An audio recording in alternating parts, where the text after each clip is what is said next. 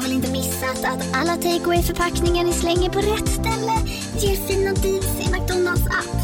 Även om skräpet kommer från andra snabbmatsrestauranger. Exempelvis... Åh, sorry. Kom, kom åt något här. Exempelvis... Förlåt, det är något skit här. Andra snabbmatsrestauranger som...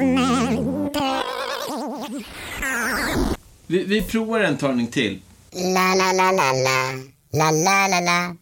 Om en yogamatta är på väg till dig, som gör att du för första gången hittar ditt inre lugn, ett lugn du inte trodde fanns, som gör att du blir en trevligare partner, en bättre bilförare, en bättre kock.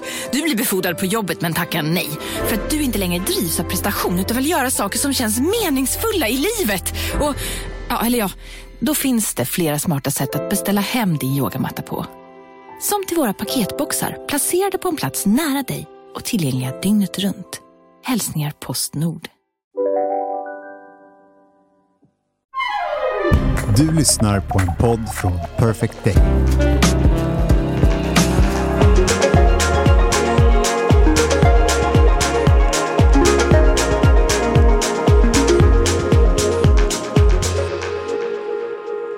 Hej podden! Hej på den. Hej på den. Hej på den! Eller hej podden och alla underbara lyssnare.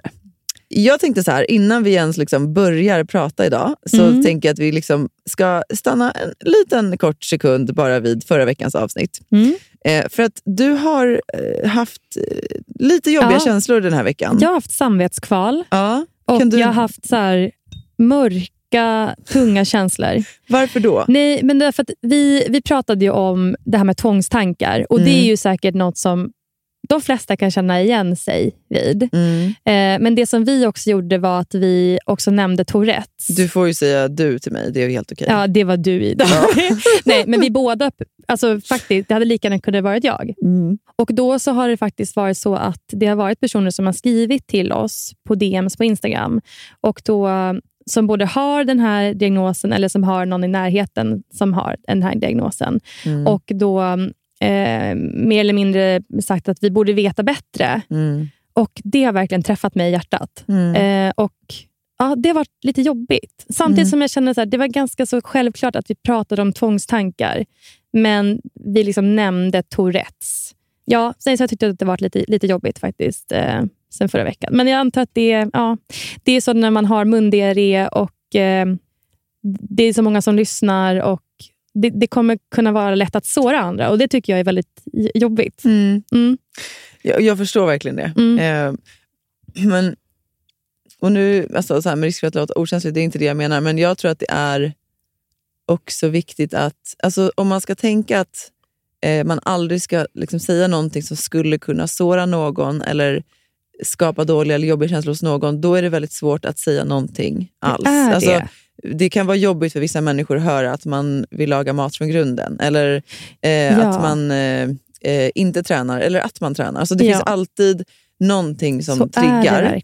Eh, jag tror ju så här, det, för mig var det också ganska uppenbart liksom hur, hur vi skojade om, om det här. Mm. Det är är såklart jättejobbigt om det är folk som har tagit illa vid sig. Men en sak som, som jag tycker är viktig är så att, att liksom, som, som när jag själv har reflekterat kring det här, jag har liksom försökt möta dig i liksom, dina jobbiga känslor Ja. kring det här. Eh, så har jag liksom ändå landat i, med all kärlek och respekt till de som har tagit illa vid sig, att det är någonting som vi inte ska sluta prata om. Alltså, missförstå mig rätt här nu.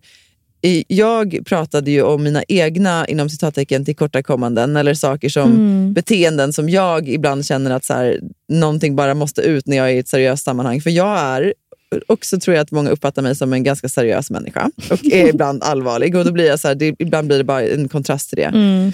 Det som jag tycker är så otroligt viktigt med att skoja om såna här saker är att man kan normalisera det. Att man kan Mm. avdramatisera och att man kan ta bort skammen från det. Verkligen, jag att- håller med dig där. Ja, och jag tror, så att jag tror inte att så här, folk kommer alltid ta, ta illa vid sig Mm. av olika anledningar. Ja. Men, men så här, att prata om såna här saker, för mig, Mm. är sjukt viktigt. Mm. Så att, Ja, jag- det, ska, vi- kan- det ska vi inte sluta med gumman. Nej, kom, nej. Jag, det, verkligen Nej. inte. Och, eh, jag håller med dig där. Och, och Den tanken känns ändå så här, ja det är klart vi ska prata om det och synliggöra det och inte, att det inte ska vara någon konstig sak egentligen. nej, för det är ingen konstig sak. Nej. Och jag tror att så här, det finns ju ingen någonstans... jag tror inte ens vi behöver säga det, det, liksom, det säger sig självt. Alla är lika mycket värda oavsett vad man har för diagnos eller utmaning. Mm. ehm, eller för liksom, psykosocialt beteende. Det är liksom inte, det, och Mm. det tror jag att om man lyssnar på podden att man förstår att vi Mm. båda har den människosynen. Ja. Men, men nog om det. Nog om det. Nog om det.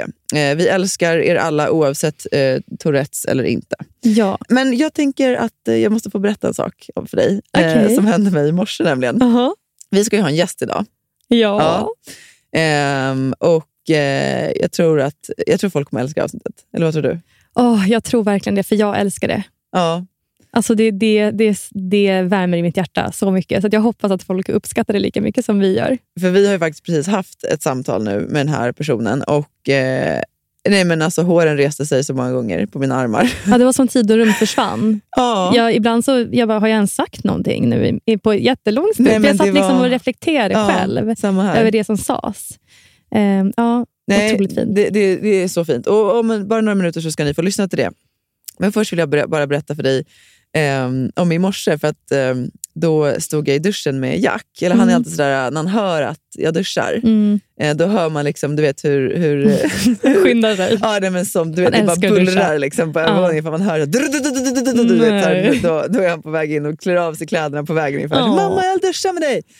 Ja, och så duschar han med mig och sen så efter ett tag så, så, här, så tittade han på mig och så sa han, mamma, har du alltid snippa? Så Oj. ja, jo men det har jag ju. Ja, okej.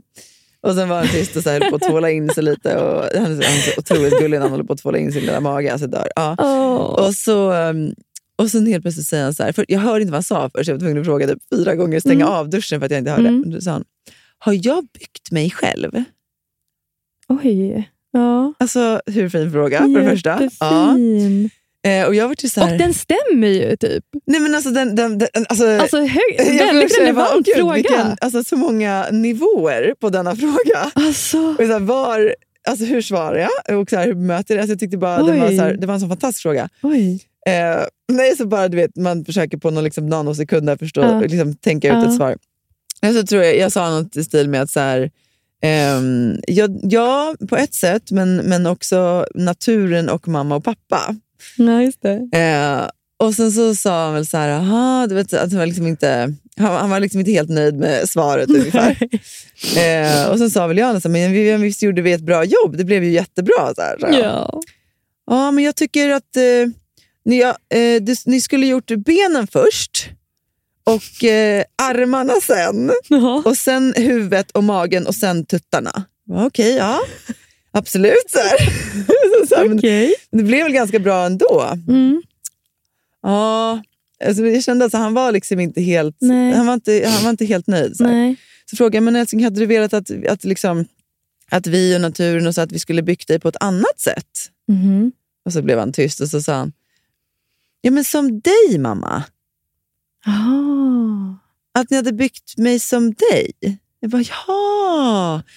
För då förstod jag att han hade frågat om snippa Ja. och jag tittade på sin dotter. Att han ser annorlunda ut. Ja, precis. Mm. Och då sa jag så här, ja, ja okej, men ja, nu blev det ju att du blev ju byggd lite mer som pappa och, och Lycke blev ju... Och sa han, ja, och Lalla blev som dig, så här konstaterade Ah, han ah, Så, ja, det. jo, men så Ah. blev det ju. Ja, så blev det. Och så började han tvåla i sig. Ja, för då så här, ja, jag blev lite mer som pappa, Lalla blev som mamma. Okej, ja, men uppenbarligen var, var det, det... Han var nöjd där. Han, där var han nöjd. Men Ja, alltså, fin sån reflektion. otrolig fin reflektion. Och jag, så här, dels, alltså, varför jag vill dela den här berättelsen nu då med dig är ju bara för att vi, hela resten av avsnittet kommer handla om existentiella frågor. Och det här var ju de, de, de existentiella frågorna som vi vuxna ställer oss, är det vad det kommer handla om. Och som kanske Mm.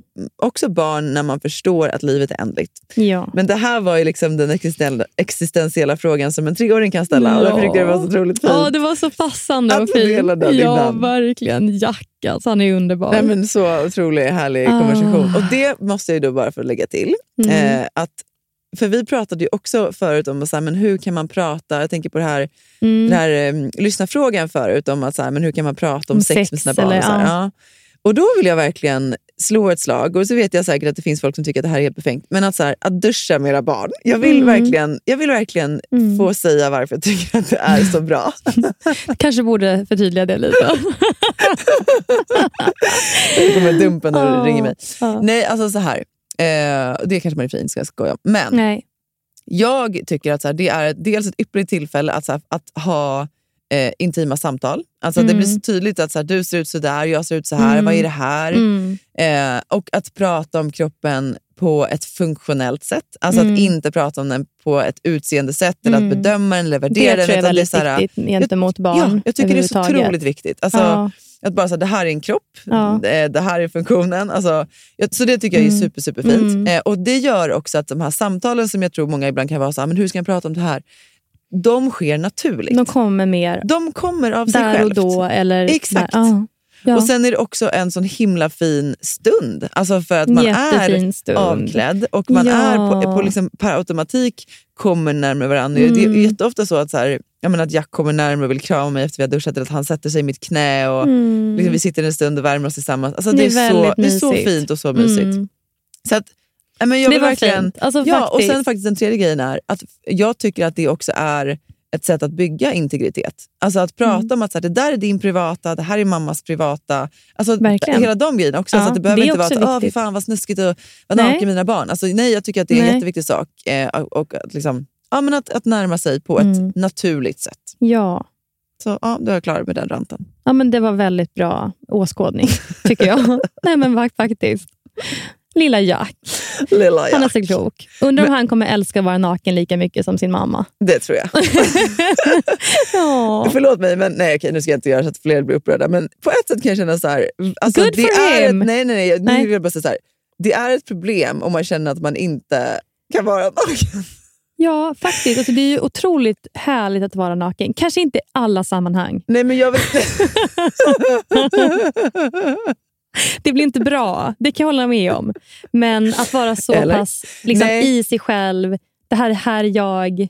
Ja, men jag, jag tror att det är bra för oss att få känna att vi är så Mm. pass bekväma. Sen fattar jag att det är verkligen inte för alla. Men, men, och Jag vill inte döma folk som Nej, inte kan vara nakna. nej. Det, jag vet att det lät så. Men jag vill bara säga att så här, testa. Ja. Eh, nu, nu spårar det här. Men Ja, att så här, alltså, gå, ja. gå omkring hemma naken. Alltså, du är ju liksom ytterkanten på det extrema, åt det extrema hållet. Jag är kanske lite mer medel, om vi säger så.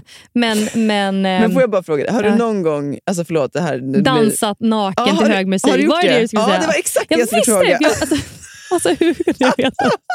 Alltså, jag tror att jag har gjort det någon gång med typ lite inspiration av dig. Nej, men, Så när jag har duschat och ska fixa mig så Ja. har jag så här, du vet... ja, bara, vibe. Ja, du men, bara, feeling it. för att jag känner mig så här...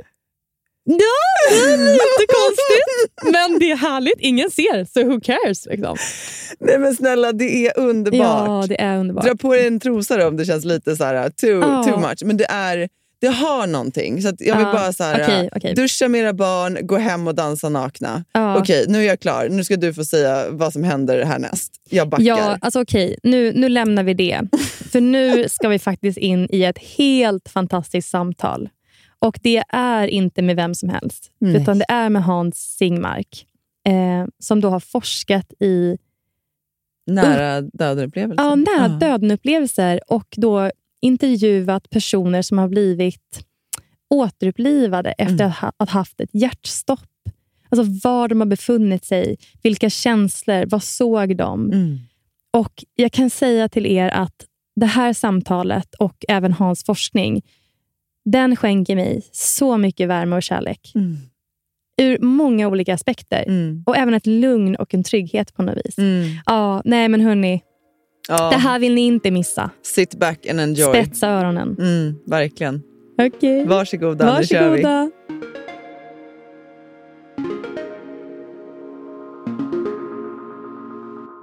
Så vi vill börja med att säga varmt välkommen till podden Hans.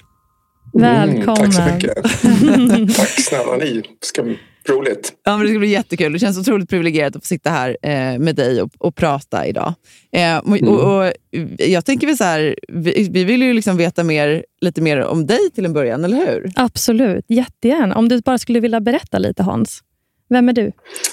Nej, men ja, ja alltså, yrkesmässigt jag jobbar på Halmstad sjukhus på medicinkliniken, eller lungkliniken där som lungläkare. Mm.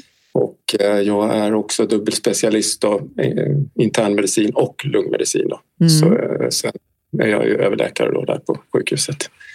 ja, sen bor i Halmstad, hus, två barn, en dotter och en son. Nästan gift med Katarina Orvedal. Mm. Ah. Vi är inte gifta men så, så gott som. Nästan. Ja. 30 år tillbaka. 30 år Wow. tillsammans. Ja, det är Ah. så. Ja, då är man nästan gifta. Då är vi nästan gifta. Mm, Det är man, det är så. så mm.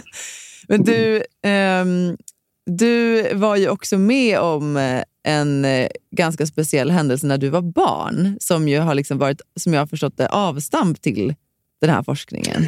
Eller hur? Kan inte du Mm, berätta ja. lite om det? Ja, ja, ja, ja, just det. Jo, nej, jag var nog 12-13 år. Det Ja. här är ju en episod när min mormor var ner. Hon kom från Örnsköldsvik och så, då bodde vi i Stockholm. Och hon var ner och hälsade på och blev väldigt, väldigt sjuk. Jag vet inte hur på för sätt, va? men jag har minne av att hon blev sjuk och alldeles stilla och liggandes på en säng. Och, så här. och sen kom ambulansen och, och eh, hämtade henne. Då. Men då berättade hon, inte för mig, men för min mamma, då, hennes dotter, om att hon hade sett sig själv uppifrån va? och sett oss liksom stå runt henne. Mm. Eh, och sen ja, hade hon då eh, färdats in i en tunnel och kommit fram till liksom en, en, en andra sida. Ja, så frågade min mamma för bara Ja. några dagar sedan hur Mm. var det exakt?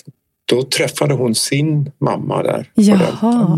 den och sin, ehm, sin man också som hade gått bort, alltså min mammas pappa. Då, Mm. har, och eh, det mötet. Och sen fick hon höra en röst som sa till henne väldigt tydligt att du ska tillbaka. Alltså, din, din tid är inte kommen. Liksom. Så. Gud. Och jag, det jag minns också med henne, det var alltså jag hade ett, ett litet um, tagg, inte taggigt, men ett svårt förhållande till min mormor då. Mm. Hon var lite speciell. Men det jag minns, hon dog ett halvår efter den här upplevelsen, Mm. det var att hon fick ett, ett väldigt lugn över sig. Så jag har, jag har en Mm. bild av att hon var väldigt så här, lugnt. Ja, hon, hon förändrades som person Ja. efter den här... In... Ja, Ja, ja, ja. okej. alla gånger. Hon släppte en rädsla för döden och sådär. Hon Ja, har gått just och rädd, varit rädd för, för döden i hela sitt liv. Liksom. Oj. Det här är ju så, det är så otroligt Ja, häftigt. det är otroligt. Och, och det är ju det som egentligen din forskning nu har kommit att handla om egentligen. Alltså vad, vad händer egentligen lite när, när eh, vi är på väg att dö? Är det inte det så man kan liksom frasera det? Ja. Ja, precis. Va? Jag, har ju, jag är nyfiken av mig. Va? Jag liksom vänder och vrider på stenar och undrar. och så här. Och Det här med livet och döden har varit Mm. liksom viktiga eller stora frågor i hela mitt liv. Va? Så att, Mm. jag- Samma här. Alltså, vem Mm. tänker inte på det? Ja, det jag. är ju Nej. verkligen så. Eh, Det är Nej. stora frågor. Precis. Så att, det- ja, så att den, här, den, den här studien den är publicerad nu i en, amerikansk tidskrift. Mm. Här. Ni gärna lägga en länk till. Men, Mm, det gör vi. Så att det är många års arbete, och, eh, men den, den, den började faktiskt som ett SD-arbete det här. Eh, Och vad betyder Alltså, det för oss som inte... Ja, specialisttjänstgöra. så att det, för att bli specialist så är det fem års eh, anställ, så att säga, utbildning då, kan man säga, Ja. ST, ST-tjänst. Och jag, jag blev färdig med, jag blev enkelspecialist 2018. Mm. Så att mellan 2012 till 2018 så var jag ST-läkare. Mm. Och då ingick det att göra någon form av vetenskapligt arbete Mm. Okej. Någon projektplan eller någonting sånt där. Va? Så Mm. och jag ville göra någonting som berörde mig. Va? Mm. Mm. Och, och någonting som engagerade. Mm. Och jag gick och klurade på det där. Vad, vad ska jag göra? Så. Jag, visst, jag hade ju tänkt någon registerstudie eller ja, någon tablett. Ja, du vet så. Men då sa min nästan fru, min Katarina ja. Men du, ska inte du, kan inte du göra något med nära döden-upplevelser? Du är ju intresserad av det där. Och det Mm. var liksom så här. Ja, men, du är ju läkare, varför skulle du inte kunna göra det? Ja, så jag, jag är ju läkare. Ja, varför inte? Ja. Så, så att det var hon som som upprinnelsen till det här. Det var, det var henne. Alltså. Den, den, och tre dagar senare, det är ju, jag vet inte, men då, då träffade jag en kvinna som har upplevt en sån här...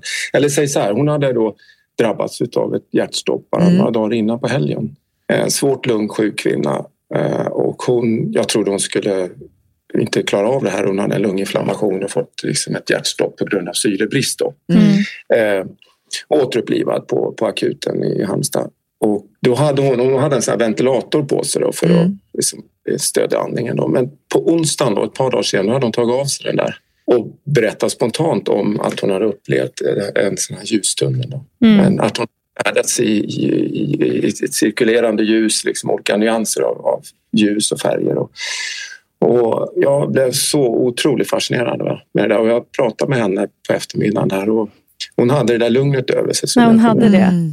Men vad Ja. häftigt, det här var bara tre dagar efter att du hade bestämt inriktning på... Ja, precis. Det, var liksom Det är här- helt otroligt. Det är också Ja, som jag att... Tog upp det. Ja, Mm. Jag tog upp det med henne och jag ville göra att hon sa men det är klart ska jag göra det. Liksom. Så. Ja, jag är ju en sån som tror på att universum ibland hjälper till på traven. Och det känns ju så onekligen som att det gjorde det där. Ja, man är benägen att tro det. Det blev väldigt, väldigt påtagligt. Alltså, så Mm. sätt? Mm. Och sen gick jag och pratade med min chef eh, och jag sa det till honom. Det var ett par veckor senare att jag ville göra något med det här. Och då så sa jag det, tänkte om, om han säger nej, liksom, tycker Mm. jag att det här är trams. Liksom, och Mm. vad, vad gör du? Tänk på din karriär och sådär. Mm. Så, då, då gör jag det inte. Tvärtom, han sa nej men du Hans, det här är lite utkanten. ja. Men eh, vi stöter på det här och vi viftar bort det. Men jag stödjer dig. Vill du göra det här så stödjer jag dig. Oh. Det var så pass väldigt modigt att välja den inriktningen också. Men också skönt att få det stödet, för annars Mm. kanske det aldrig hade hänt. Nej, nej, det, nej, det var, det var Mm. avgörande. Mm. så det var helt klart. Alltså. Men kan inte du ta oss igenom liksom hur, hur du har eh, gått tillväga när du har gjort den här studien? Innan vi liksom börjar prata om vad du har hittat. Ja, ja, precis. Ja, precis. Hur, alltså, jag var ju lite nyfiken på hur vanligt är det här och, och, så. så att, eh, men eh, jag gick tillväga precis. Det finns en, en forskare som heter, eller han är kardiolog som, från Nederländerna och eh, Pim van Lommel heter han. han. Han gjorde en liknande, en stor studie på Mm. tio sjukhus i Nederländerna. Mhm. Så, och den studien publicerades i Lancet 2001. Så det är den största studien i världen. Mhm. Och då frågar man hjärtstoppspatienter om de eh, hade upplevt någonting. Jag, jag tänkte att det här skulle jag... Alltså jag ville göra ett liknande upplägg. Mm. Idén var då att, eller det gjorde jag då, under ett års tid, alltså när den, efter att den var godkänd, hela projektplanen av då etiska prövningsnämnden så satte jag upp lappar och instruerade personal på alla avdelningar att har ni, vårdar ni en patient som har drabbats av hjärtstopp med bevarat intellekt, Mm. ambulans på akuten på avdelning, prata med mig. Va? Mm. Ja, och då och det blev faktiskt 30 patienter då som under ett års tid. Alltså. Det är ganska många. Ja, det är ganska många. Ja, så att när de skulle gå hem de här då, eller var på väg att gå hem, då tog jag kontakt med dem. Och så, så frågade jag liksom, efter ett tag, det var intressanta möten allihopa, men efter ett tag, du, eh, det finns människor som minns saker eller upplever saker i samband med hjärtstopp eller så. Hur var det för dig? Mm. Och då visade det sig att fem stycken hade en närrörande upplevelse. Mm. Mm. Varav fyra gick vidare och det här är ju en intervjubaserad studie. Mm. Då, så att Mm. jag har intervjuat fyra av de här fem eh, tio veckor efter eh, den här första kontakten. Mm. Så, och sen har det då blivit en, en, en analys av det här och eh, som är sammansatt i en forskningsrapport, en artikel som nu är publicerad i Mm. den här amerikanska tidskriften. Mm. Så så var det. Ja, och vad, vad hittade du då i, när du gjorde din forskning? Vad möttes du av för berättelser? Ehm, ja, jag kan säga så här, det är ju fascinerande möten det här. Mm. Det, allihopa är väldigt, väldigt fascinerande. Det, och ehm, ja, vad ska man säga? Det, I alla fall för mig, va? Det, min fru säger det så här, eh, Katarina Orvedal, att det är som att du har gått igenom en, en tjock vägg va? Mm. Ehm, och kommer fram på andra sidan. Va? Men det, det, det, det tar tag i en. Va? Det, Ja. det liksom är Mm. vad, vad, vad tillvaron är för någonting och vad, vad allting består av. Så, det, så var det för mig i alla fall, att det verkligen, verkligen ifrågasattes. Alltså, det vet jag flera, alltså, mattan rycks, under föt, rycks bort Mm. under fötterna. Om man går in i det här på riktigt alltså, så, så, så var det för mig. Alltså. Mm. Och vad, tror du var, alltså, vad var det som gjorde att du kände så, tror du? Ja, det var, jag ska säga så här, den, den första i den här, av de här fem, han var jag själv med och återupplivade. Ah. Ja, precis. Ja. Och, Mm. eh, eh, det här var en tidig lördagmorgon på medicinakuten i Halmstad. Och han, det var en frisk man, 74 år gammal, va, som kom in med pågående hjärtinfarkt. Och han mådde inte alls bra, blek och kallsvettig. Och han sa det, Hans, du, jag mår inte alls bra när jag ser det. Så Mm. han hade tydliga EKG-förändringar och pågående hjärtinfarkt. Och sen så, på akutrummet där så fick han ett hjärtstillestånd. Va? Mm. Och, eh, det var inte så lång tid, ungefär en minut 40 sekunder. Va? Och han hade då en, en elektrisk storm i hjärtat, då, alltså ett ventrikelflimmer heter det. Och, och eh, vi fick tillbaka det till riktig rytm, då, eller bärande hjärtrytm efter första såna elstöten, då, defibrillering. Ingen, inga reflexer, ingenting. Så att, så att på en gång. Och eh, när han när han tittade upp, han rörde sig så här på britsen och sen så det första som händer då det är att vi möts i blick han och jag. Mm. Och han säger så här, oj jag somnade visst. Va? Och då Mm. säger jag, ja det kan man säga att du gjorde. Va? Men nu så ska du, han skulle till Lund och då hade vi inte så att säga, angiografi eller att man, alltså ballongvidning på, i Halmstad så han fick gå dit. Nu. Okej. Men för en lång historia kort här. Det, när jag träffade honom då när han kom tillbaka till Halmstad och skulle skrivas hem. Då berättade han att han hade, ja, att han hade levt sitt liv en gång till va, under det här Mm. hjärtstoppet. På en minut och 40 sekunder. En minut och 40 sekunder. Ja. Vi hade ett långt samtal om den här så att säga, lördagmorgonen och vad som hände där. Och så, va. och så när jag frågade honom så här, du det är inte bara därför jag är här. Det är inte bara därför så att säga, vad som hände på lördagmorgonen. Det är också ja, den här studien och att, folk, ja, det, att det finns någon som minns saker. Jag kommer ihåg att han tittade på mig va? Mm. och så sa han så här, du, ja, det är inte, du är den första jag berättade för, sa. Ah. Okej. Eh, och så sa han så här att jag... Ja, först, han, sa- han berättade först om ett mörker, liksom ett skönt mörker. Men så, så såg han sin mamma och sin pappa där i det här och han var bara två, tre år gammal. va. Han satt på en trehjuling och på väg ut för en liten slänt så här. Och han sa att det var så otroligt mycket kärlek i det här. Mm. I sin mamma och pappa. Va? Och det var så här, detaljer och så. Va? Ljust och varmt och enormt kärleksfullt. Och så sa han så här, så är det som att du tar, om du tar världens snabbaste dator så är den långsam. Va? Så bara sa han så här, så, så, liksom så levde han, alltså han levde sitt liv en gång till. Va? Otroligt. Och den sista, den sista dagen i hans liv, det var precis innan han öppnade ögonen och ser mig i ögonkontakt. Och Jag kommer aldrig glömma hans Gud. ögon. Och jag, jag på något sätt förstår ju i, under omständigheterna att han har upplevt det här Mm. under sitt liv. Mm. Och för mig var det, förstår ni, det är ju liksom hur, hur är det möjligt? Va? Jag Och ser- hur är det möjligt? Och det, är- det, jag. ja. Jag kan ju, liksom, jag kan ju säga så här, visst, det här kan, jag vet att jag hade en, en, ett val. Va? Det här kanske är, det, det, eller jag kan ju säga så här, valet är att skulle kunna vara att ja, vad roligt att, att hjärnan gör så här när, när, när jag ska Mm. dö. Va? Mm. Mm. Eller när den släcker ner på det här sättet. Och, eller att det är en dröm. Just det. Eller, eller också inte. va? Mm. Eller också är det någonting annat som kliver in. Mm. Mm. För, för jag menar, jag, jag gick ju den andra vägen. Mycket jobbigare väg. Va? Så vad är det som händer? Mm. Mm.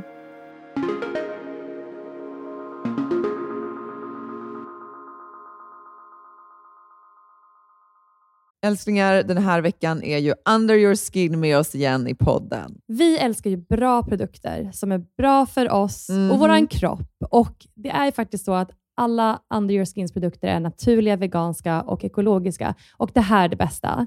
Utan några onödiga kemikalier. Det vill vi inte Mm. ha. Saker som kan påverka vår kropp negativt, det vill vi bara bort. Usch, försvinn. Ja. Eller hur? Vi har jobbat med Under Your Skin länge och eh, vi har fått lite frågor eh, kopplat till deras produkter. Så nu tänkte vi bara lite kort idag köra lite lyssnarfrågor. Kul! Eh, en fråga vi har fått är ju hur snabbt minskar håravfallet från och med att man börjar använda eh, ja, men hair growth kit? Ja, just det. Alltså, precis, för de har ju ett eget hair growth kit. Jag använder ju den och har använt den nu eh, ett bra tag. Och jag var tvungen att faktiskt gå in och kolla på deras hemsida vad de skrev. För min upplevelse var ju att det, det minskade bara redan under första veckan. Det gick jättefort från att jag kunde känna skillnad när jag borstade håret på hur mycket hår som fastnade i borsten. Då har jag ju såklart också kikat och det är ju faktiskt det också som de själva rapporterar. Att det ska gå så fort om det inte är så att man har någon särskild diagnos. Ja, såklart. Ja, men gud Ja, vad grymt. och, ja, men, så det är en sån här sak med att ja, men det som man borstar, då ser man ju hur mycket som kommer på borsten, men också alltså, man skulle till och med kunna typ, så väga håret bara för att se ja.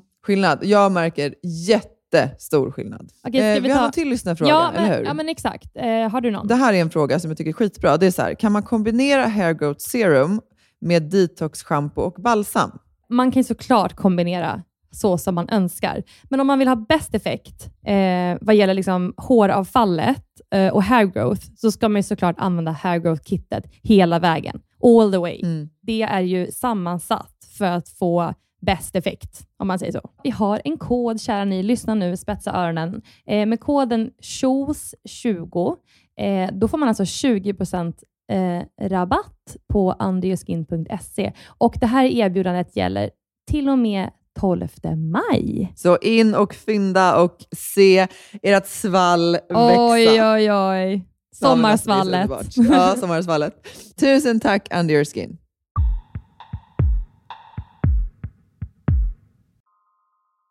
Vad tror du är, liksom, vad är medvetandet? Ja, nej men precis. Vad är med, vi, jag säga, vi vet ju att medvetandet existerar. Mm. Vi sitter här nu, vi tre och sitter Mm. och pratar. Men eh, att, att gå in i den här frågan kan sägas att, att studera nära döden-upplevelser, i alla fall för mig, jag tror det är för fler, att det liksom trattar ner i vad är medvetandet för någonting? Mm. Är det hjärnbaserat eller är det inte hjärnbaserat? Mm. Den frågan. Han gör så, liksom, så har det, har det trattat ner i det här. Och det här kanske låter konstigt, alltså, men för mig personligen så har jag ju landat i att det är mycket mer logiskt att medvetet inte, inte är hjärnbaserat. Mm. Mm. Wow. Förstår du vad jag menar? För mig är det Ja, mycket absolut. mer- Jag, Ja. jag, tror, alltså för, jag måste få säga det då, Hans, för att det här är också en anledning till att jag, alltså, det, det, drabbade mig väldigt hårt när jag eh, läste om din forskning. Det var faktiskt en av våra lyssnare eh, som skickade artikeln till mig. De sa Mm. så här, det här, och jag, jag minns tyvärr inte vad du heter nu, jag ber om ursäkt för det, du som hade skickat det här. Men, men det var så fint och hon, hon har lyssnat på liksom, podden då med mig och min syster och så skrev hon så här, det här eh, är en man som det vore så fint om ni tog in till podden. Eh, Och så läste jag det första, såg jag att jag kände ju igen ditt namn, eh, vilket vi kan ta upp sen. Men jag tror också att så här, min syster fick ju ett hjärtstopp. Mm. Eh, det var ju det som hände och var liksom borta i nästan en kvart. Mm, okej. Och jag Mm. tror att jag har... Hon kom aldrig tillbaka till fullt medvetande. Men jag tror att så här, det har varit en sån... Ja, men det, kan fortfarande vara det. Det är det som jag tycker är det jobbigaste. Att veta, så här, men var hon rädd? Hur kände hon? Mm. Vad möttes hon Mm. av? Alltså, var det bara ångest? Alltså, hur, att den, att även om hon var ensam i allt så var ändå vi vid henne fysiskt när vi var i rummet. Men där var hon helt själv. Mm. Och det är en sån sak som jag... Ja, men det, det tycker jag är en sån himla jobbig tanke. Eh, så Mm. att, att, och, och om vi då bara kommer tillbaka till så här, med medvetandet. För mig har det känts så otroligt tydligt att det är helt frikopplat efter att jag själv var med om allt det här. Alltså när jag Mm. fick se en kropp som bara var en kropp. Eh, När någonting har lämnat. Alltså det, jag vet inte hur jag ska förklara det. Jag har alltid varit, jag har varit ateist i hela mitt liv och känt att det, liksom, Mm. det är på det här sättet och det finns ingen vetenskap för det. Eller antingen är det si eller så är det så. Men alltså att själv ha fått uppleva det så kan jag känna att så här, nej men vi förstår inte det här än. Det, det, är, Mm. det är utom vår förståelse. Det är någonting annat som händer här. Mm. Eh, ja, en lång utläggning, men det är väl liksom Ja. därför det, din forskning också drabbade mig.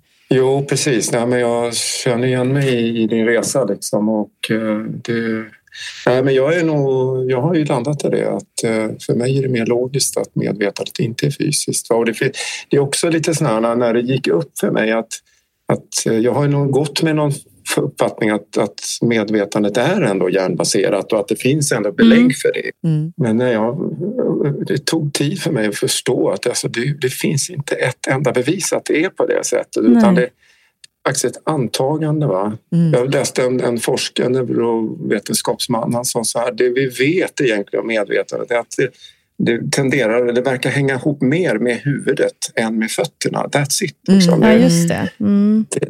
som, och det är ju så jag brukar säga det, va, att det- jag sitter ju lugnt i båten. Va? Även om jag är läkare här och kommer från medicinen då, och har såna här åsikter så sitter jag lugnt i båten. Va? För det är ingen annan som vet. Liksom. Nej. Alltså om vi säger så här, med i den här studien så, så, så blir det väldigt tydligt och det är väl en av slutsatserna att de här gör ju en livsåskådningsförändring. Va? Och den är troligtvis momentan. Va? Mm. Och det här med livsåskådning är ju ingenting som man ändrar på i en handvändning. Va? Och det, tre av de här fyra då, de går ju för det jag kallar för, ja, det är för materialistisk livsåskådning. Mm. Det vill säga kortfattat, alltså en, en materialistisk livsåskådning skulle jag säga så här att det, ja, då utgår man från att det inte finns någonting före det här livet och det finns ingenting efter det här livet Mm. och allting är en slump. Va? Mm. Eh, Det är en slump att vi, vi existerar och, och vi gör så gott vi kan av meningen med det här livet. Va? Mm. Som då inte har någon mening riktigt. Nej, som inte egentligen, eller hur? Va? Utan vi gör så gott vi kan. Utan, Mm. Är ju det. Och allt, alltså existensen är bara det vi kan se och, och höra och känna med våra fem sinnen. Mm. Och något annat kan inte existera. Liksom. Det, är- det är ju en materialistisk livsåskådning. Va? Mm. Eller hur? Känner är det. Jo, jag håller med Mm. på den beskrivningen. Ja, ja, ja. nå- Någonstans va. Och i det så kan ju inte medvetandet vara icke-fysiskt. Nej. va? Det Nej. blir ju väldigt Mm. barockt. Va? Nej, för det försvinner när vi dör och Mm. det finns Ja, det inte innan så, vi föds. Det, Ja. ja. Precis. Och förklaringen är att medvetandet är någon illusion. Eller så att säga, det är någon, det som blir över när hjärnan arbetar. Va? Det är någon slags Mm, illusion. mm, det finns inte. Det för mig är det väldigt, väldigt paradoxal liksom, förklaringsmodell. Mm. Ja. Och de här då, de, de ändrar ju sin och förstår ju liksom att de, jag säger så jag tolkar det som att de är i eller deras, om jag ska tolka deras, deras tolkning, att de är, upplever någonting annat som är icke-fysiskt i sin, i sin natur. Va? Mm. De är lika verkligt, om inte mer verkligt än den här verkligheten. Kan inte du ta ett eh, konkret exempel från någon av dem? Alltså när de beskriver om vad det är de eh, upplever. Ehm, ja, alltså det, den, dels den här första, han, han upplever ju sitt liv en gång till. Mm, Eller han lever mm. väldigt, och det går så här. Så, va? Eh, och han, han förlägger den upplevelsen till det han tolkar, han beskriver det andra sidan. Mm. Alltså jag var på andra sidan och hade den här upplevelsen. Mm. Så det är då, eh, en annan vet jag i den här studien då, han eh, fick ett hjärtstopp i ambulans också på väg ner till Lund. Eh, och han, eh, han upplever också en sån här ljustunnel som han färd, färdades i. Mm. Och han beskriver den som oändlig men ändå att den, den hade ett slut. Men han, kom aldrig, han fick aldrig komma fram till slutet. Va. Det var så mycket liv där. Han, kunde inte föresyn, eller han uppfattade inte att det där var döden för det var så mycket liv där.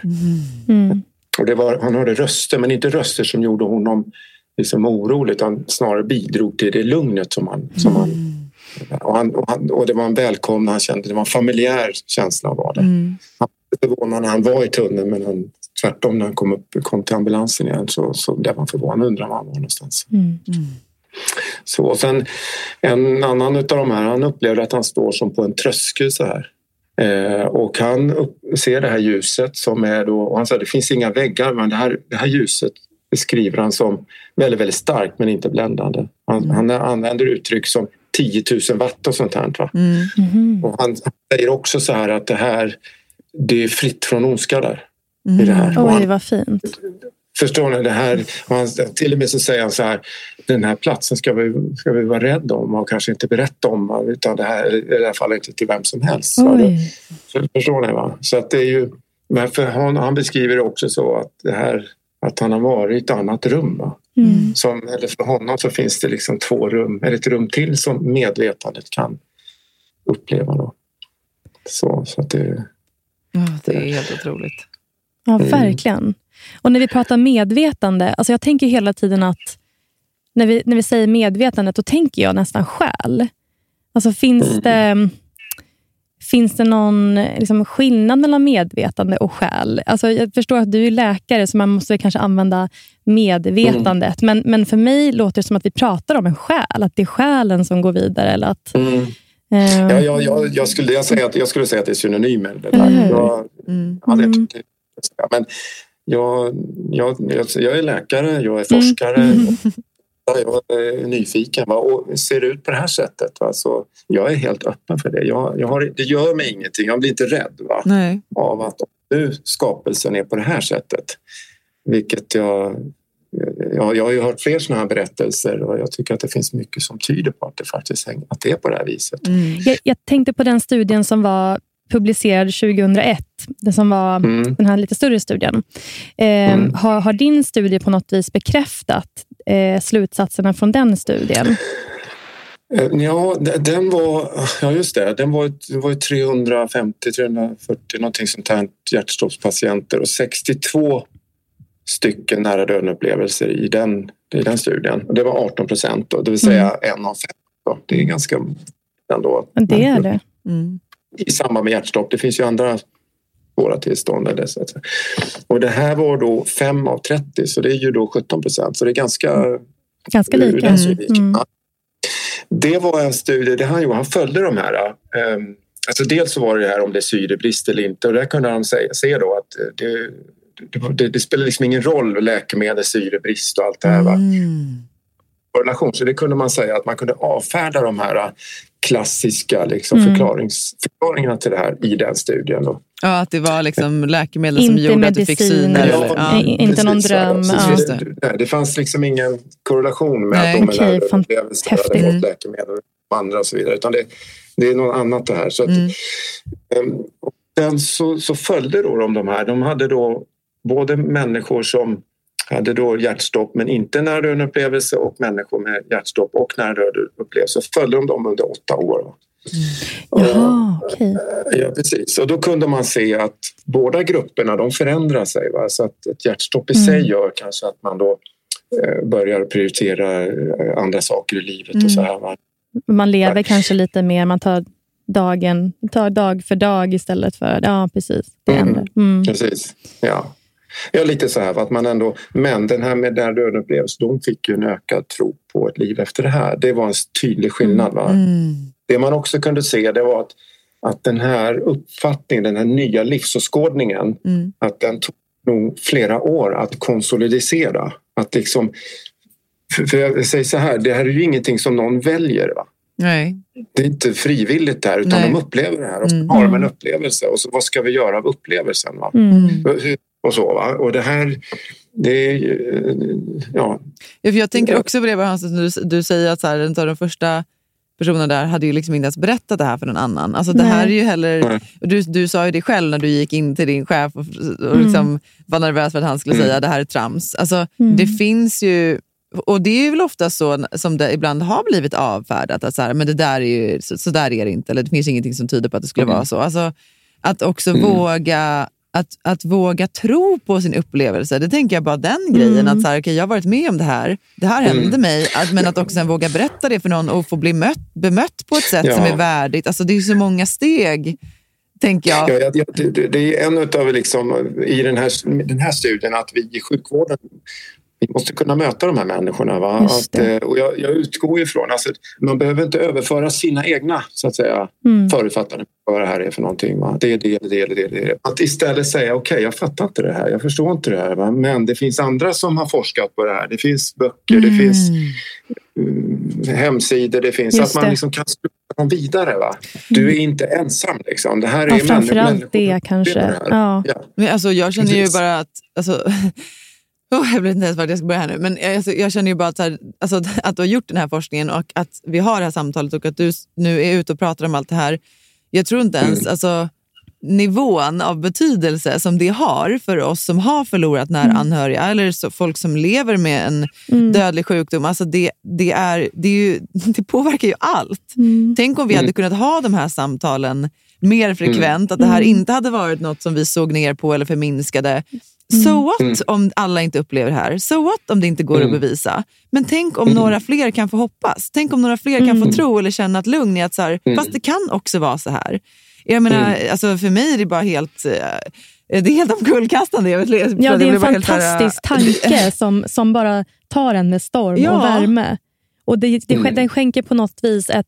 Jag känner mig så trygg på något vis. Att så här, det kan vara så här. Mm. Och det här kanske Mm. är det här kanske är en del av sanningen. Eller det här Mm, kanske mm, är mm. vad som händer. Och Man tänker tillbaka Mm. på eh, personer man har förlorat i livet och känner att det kanske var det här de möttes av. Mm.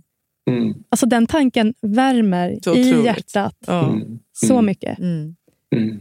Jo, jo, nej, men jag som sagt, jag har ju, har ju landat i det. Va? Och eh, för mig så håller ju inte, alltså om vi tar den, den här materialistiska förklaringsmodellen, jag får ju inte in nära döden-upplevelsen hur jag än gör. Nej, den går inte in. Nej, men går för- inte. För du nämnde ju det att de hade gått från den åskådningen till en annan. Och vad har de då gått till? För Ja, ja, livsåskådning? precis. Men jag, jag, in- jag insåg ju varför. Jag, jag har ju då... Alltså, vad är för jag, alltså, jag får inte in nära döden-upplevelser i den materialistiska förklaringsmodellen. Nej, det går inte. Va? Det funkar inte. Va?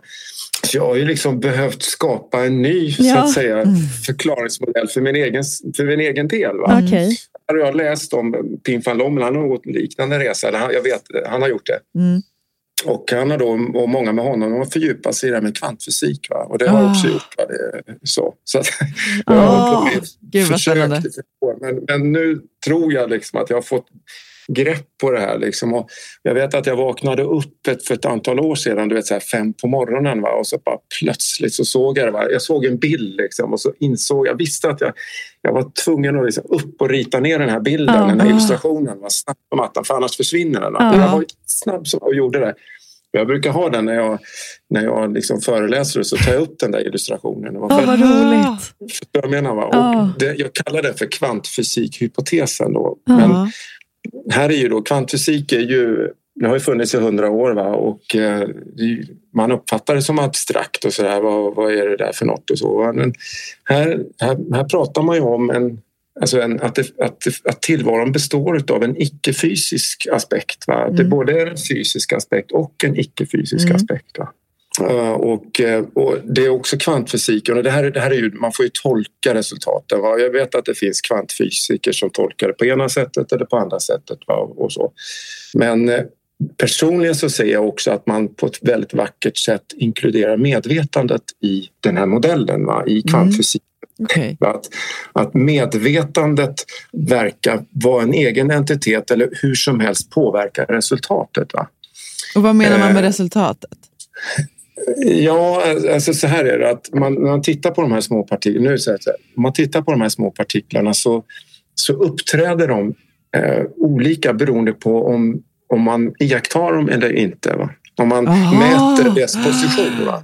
Så om man låter en, små, en liten partikel vara så, så, så uppträder den som en icke-fysisk så att säga, partikel. Va? Eller att den i sin icke-fysiska form. Och man Ja, kallar det ja. för vågbeteende. Jag, jag har massa illustrationer på det här, men Ja. jag kallar det för vågbeteende.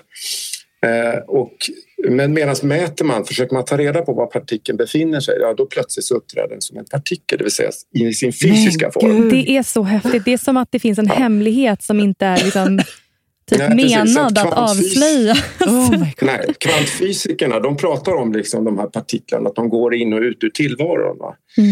Och det kan jag säga, det har jag aldrig hört i skolan. Utan jag har sett dem med de här små Nej. Ja, precis. De ser ut så här. Ja. Precis. Va? Ja. Så att. Ehm, och där är det då att, att medvetandet, eller om vi iakttar dem eller inte så, så antingen uppträder de i sin fria form som icke-fysiska eller som att säga, när vi iakttar fysiska. Otroligt. Och där så Ah. kommer medvetandet in. Alltså att det finns ett, att säga, tre aspekter i det här. En icke-fysisk aspekt, en fysisk och, och medvetandet. Det förklarar ju inte vad medvetandet är för någonting men det liksom tar in medvetandet i ekvationen. Ja, och det förklarar ju att medvetandet skulle kunna vara fast i en Ja. kropp men också helt fritt någon helt annanstans. Ja, precis. Ja. Oh, wow. Så, precis. Och det finns då kvantfysiker, flera stycken och matematiker som liksom säger att det, it's the other way around. va? Att, att medvetandet är en förutsättning för att materia ska finnas. Alltså att, att när medvetandet studerar det icke-fysiska så, så blir det fysiskt. Alltså det är liksom den här... eh, Och det är ju en, det är en, en annan förklaringsmodell om hur det här hänger ihop. Och för mig har det blivit mer en logisk, mer logisk modell där så att säga nära döden-upplevelsen får, får existera. Mm. Lommen han är inne på det här att när medvetandet alltså ehm, ja, eh, avkläder sig eller kliver ur sin fysiska form och går in i sin icke-fysiska, icke-fysiska aspekten. Mm. Så, så att man, man, man, och jag vet inte, det är ju ett försök ändå att eh, ändå förklara det här. Men jag, jag, Mm. jag är mer hemma där alltså, i den, i den förklaringsmodellen.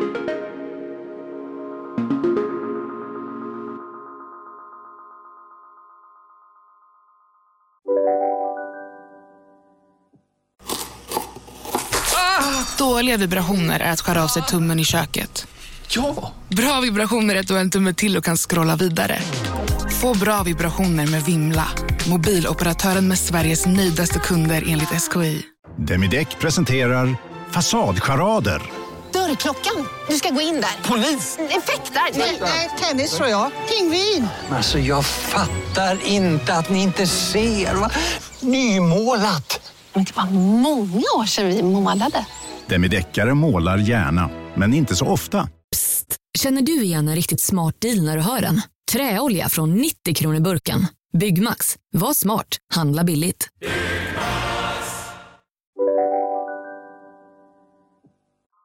Känner du dig liksom färdig med det här? Eller känner du att du bara har skrapat på ytan och kommer att liksom ta ett, ett form av ett nästa steg på något sätt? Alltså i en någon, jag vet inte om man gör en utökad forskning eller ja, Mm. något sånt. Eller känner du att så här, det, här, det här är din sanning nu och eh, Nu har du fått svar. nu har du fått svar? Ja. ja, bra fråga. Alltså, så. Ja, nej, men det är klart. Alltså, jag, jag tror det är viktigt att vi, att vi går ut och tar, berättar om det här. Så känner jag. Att, och, och faktiskt eh, legitimera den här upplevelsen. Mm. Att, eh, det, det gör det. Att, att, jag menar, den här studien finns nu, forskningen finns här. Det, Mm. ehm, och eh, att, eh, att ja, ja, ja, vi gör det här och, och eh, att det på det viset legitimerar att, att, att vi människor får prata om det här i sjukvården. Eller så. Det, Det det, så väldigt det är viktigt. Ja, det lägger grunden för en vidare. Ja, tillåtelse Ja, och för- acceptans. Ja, för samtalet kanske också. Tycker jag. Ja. Men får jag fråga dig bara då, för att jag, jag tänker också så här, om man, alltså, om man vet det här nu, dels som man själv har varit med om det, men vi som också nu har fått ta del av din forskning och vi liksom kan höra dig berätta om deras berättelser. Mm. Har du, liksom, för du sa ju själv att det verkligen liksom, det har rubbat mig, det har påverkat mig.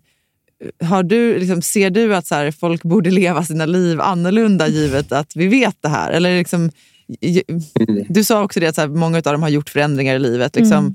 Ja, nej men jag, ja, ja, ja, jag tänker liksom, jag tror vi skulle vilja, jag vet inte, om- jag vet inte om man ska använda ordet Nej. paradigm. Alltså, Jag men, förstår men, det, det, men det blir, jag ser också det, tänk, tänk en värld där vi ser på varandra med den här vetskapen. Mm. Hur, ska, hur, hur, hur kommer vi förhålla oss till varandra? Va? Jag, jag är ju övertygad om att vissa saker blir omöjliga att göra mot varandra. Mm.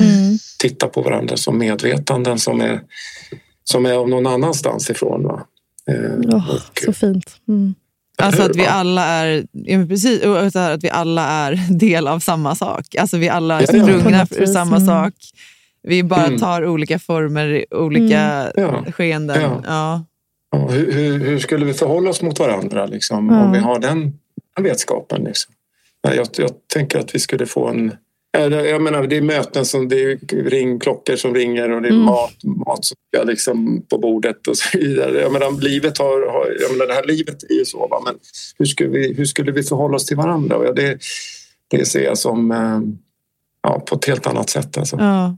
Faktiskt alltså. Än att vi, vi går runt och tror att allt är en slump. Liksom. Och, ja, jag, jag, jag, jag, jag tror också det. Jag tror kanske inte att vi skulle ha liksom, behöva konkurrera Mm. på samma sätt eller behöva liksom, slåss för att uppnå saker på samma sätt. Utan att vi hade kanske också kunnat Nej. vara mer i upplevelsen. Alltså att vara Mm. mer i den fysiska Mm. upplevelsen av att Mm. vara vid liv. Att fokuset hade 100%. varit på att så här, okej men hur är, hur är den här upplevelsen? Hur kan Mm. jag få så mycket som möjligt ut av just den här 100%. upplevelsen när mitt medvetande är här istället för att så här, okej men hur kan jag tjäna så mycket pengar som Ja. möjligt eller hur kan jag Mm. Ja, f- få Mm. en finare bil. Eller, alltså, att, att, att liksom, fokuset blir ja, men egentligen bara på liksom, upplevelsen Ja. av livet. ja, jag, kan inte, jag håller med dig helt och hållet. Mm. Ja, exakt. Ja, eh, 100 procent. Mm. Finns det någonting Hans som du känner att så här, ehm, ja, men om människor själva inte går in och läser hela studien, eller vissa gör ju det, jag är ju sånt som tycker sånt är spännande, men, men om man, så här, man bara får liksom nys av det här, vad tycker du är liksom, det viktigaste att man får med sig? Jag har ju träffat fler som har tagit kontakt både eh, under själva studien, under studiens gång. Jag har eh, arbetskamrater, kollegor som har faktiskt berättat om sådana här saker. Mm. Väldigt spännande att och göra det här. Mm. Och andra människor som, har, som jag har träffat efter det här. Senast bara för två dagar sedan så träffade jag en patient här på sjukhuset som beskrev en sån här upplevelse. Mm. Men jag, jag tar också med mig att, att flera av de här har nog inte känt sig mötta ordentligt. Va? Eller, alltså att, att upplevelsen blir på något sätt ogiltigt förklarad. Va? Mm. Åh, tråkigt. Eh, Ja, precis. Va? Och eh, än en gång, va? Den, den här är ingenting som är... eh, Den, den sker, det är ingenting som är frivilligt eller att man frågar om. Nej. De är med om ett hjärtstopp och sen så är det något, något annat och så är de med om en upplevelse som gör att de fattar att, att existensen består av, någonting mer. Ja, det är så oerhört stort. Fattar du? Va? Att de, Mm. de gör den här livsåskådningsförändringen. Vi kan påvisa att den är förmodligen momentan. Va? Eh, och sen, alltså det, det, det, det starkaste de har varit med om. Va? Och, sen, eh, och det är klart att Pim van Lommen han beskriver att det tar många år att konsolidera. Va? Att, att liksom Mm. landa i att liksom en ny verklighet. Va? Mm. Att livet på det här sättet. Va? Det såg inte ut så, så som jag eh, hade uppfattning först. Mm. Eh, Men att då behöva liksom skydda berättelsen. Mm.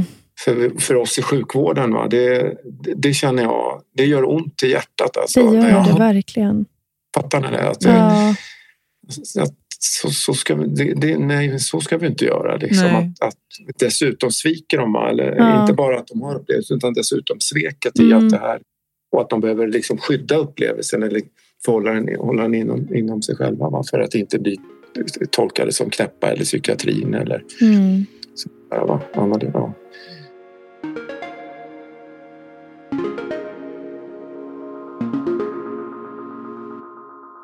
Jag tycker alltså man hör en sån stor ödmjukhet i dig när du resonerar. Mm. Och jag, tror ju att, ja, men, jag tycker det är så fint. Jag tror att så här, det är ju någonstans...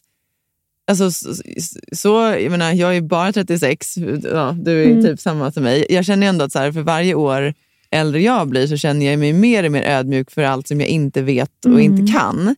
Och Min Mm. upplevelse ibland av vården har ju varit att så här, det är så här. Alltså, Mm. du vet, ifrågasätt inte, det är så här. Mm. Och jag kan väl om något känna att så här, ja, det är så inom den modellen som vi har frågat efter en, ett svar på. Och där har vi fått ett Mm. svar baserat på det vi har frågat efter. Men den här Mm. ödmjukheten tror jag Mm. är så otroligt viktig. Alltså, vad, i- oavsett vilket yrke man har. Men att så här, ja, men som Björn Attic och jag kan ha fel. Alltså, det är väl liksom den största Mm. insikten någonstans. Att så här, men vi kan inte kanske förstå allting. Och någon annan kan ha en upplevelse som för dem är mer sant än någonting annat. Och det måste få vara Mm. okej. Mm. Mm. Det måste få vara. Och, ja, precis, va? och det var en som sa bara att, den här, att dörren får vara lite öppen. Liksom. Ja. Mm. Verkligen. Möjligheten. Va? Och blir inte livet så mycket härligare? Alltså Det verkligen mycket så. härligare. Jo. Om dörrarna Jo, är lite mer visst, öppna. alltså. Nej, och jag menar, då, och, och, och är du det så har du möjlighet, för det är fantastiska möten det här. Alltså. Mm. Det här är guldklimpar de här människorna. Ja. Det är så härligt. Varje upplevelse, varje berättelse är helt unik. Alltså. Ja. Men att få ta del av det här, det är en gåva. Ja, det är verkligen en gåva. Det är en gåva. Ja, och alltså, vi måste ju med det sagt också bara säga tack till dig Ja. för att du ger det vidare. Eh, för Mm. att jag, alltså, vi har ju båda varit liksom så, för det första väldigt tacksamma för att du ens ville ställa upp på det här. Eh, Mm. För vi har båda gråtit bara när vi liksom läst eh, artiklarna som har Ja, skrivits. jag har blivit och- så rörd när jag har läst vad, vad, vad, vad, vad de du har intervjuat har sett och upplevt. Ja. Speciellt han Anders då, som liksom såg Mm. sina föräldrar, han satt på en trehjuling. Jag blir nästan gråtfärdig jag bara Ja, tänker nej, men- på det. Ja, det är så Mm. fint och det är så viktigt. Och jag, jag, liksom, ja, men jag känner Mm. väldigt stor tacksamhet för att, eh, för att du är så modig Hans. Mm. Eh, Och för att liksom, Mm. du har vågat följa, följa ditt Mm. hjärta och verkligen Mm. gå för någonting som du är intresserad av och, och, oavsett vad Mm. andra tycker Mm. eller tänker. För det här är så viktigt. Så Ja, att, och, och, och tacka din, din nästan fru också. Ja. För det var väl lite hon som, som planterade fröet. Eller liksom, som, Mm. ja. Ja. Mm.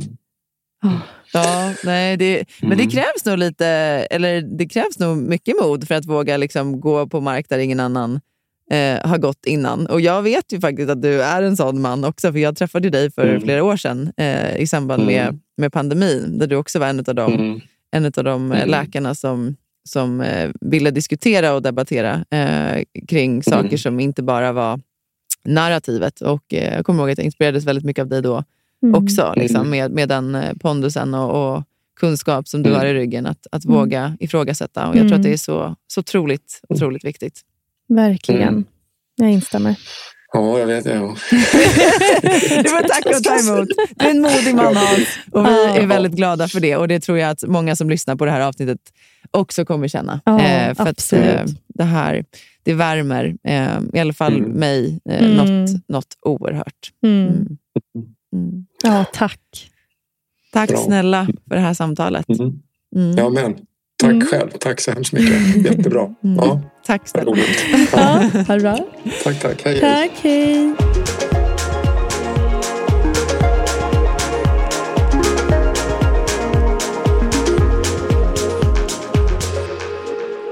Den här podcasten är producerad av Perfect Day Media.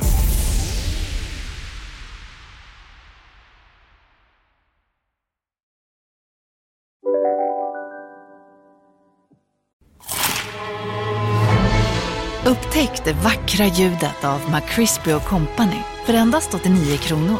En riktigt krispig upplevelse. För ett ännu godare McDonalds. Dagens vinnarprognos från Postkodlotteriet. Postnummer 65209, klart till halvklart och chans till vinst. 41101, avtagande dimma med vinstmöjlighet i sikte. Övriga 10 500 postnummer soligt och möjlighet att vinna. Oavsett när sommaren kommer till dig så kan du och dina grannar få dela på 48 miljoner i sommaryran. Ta chansen nu i maj på Postkodlotteriet.se. Åldersgräns 18 år. Kontakta stödlinjen om du eller någon anhörig spelar för mycket.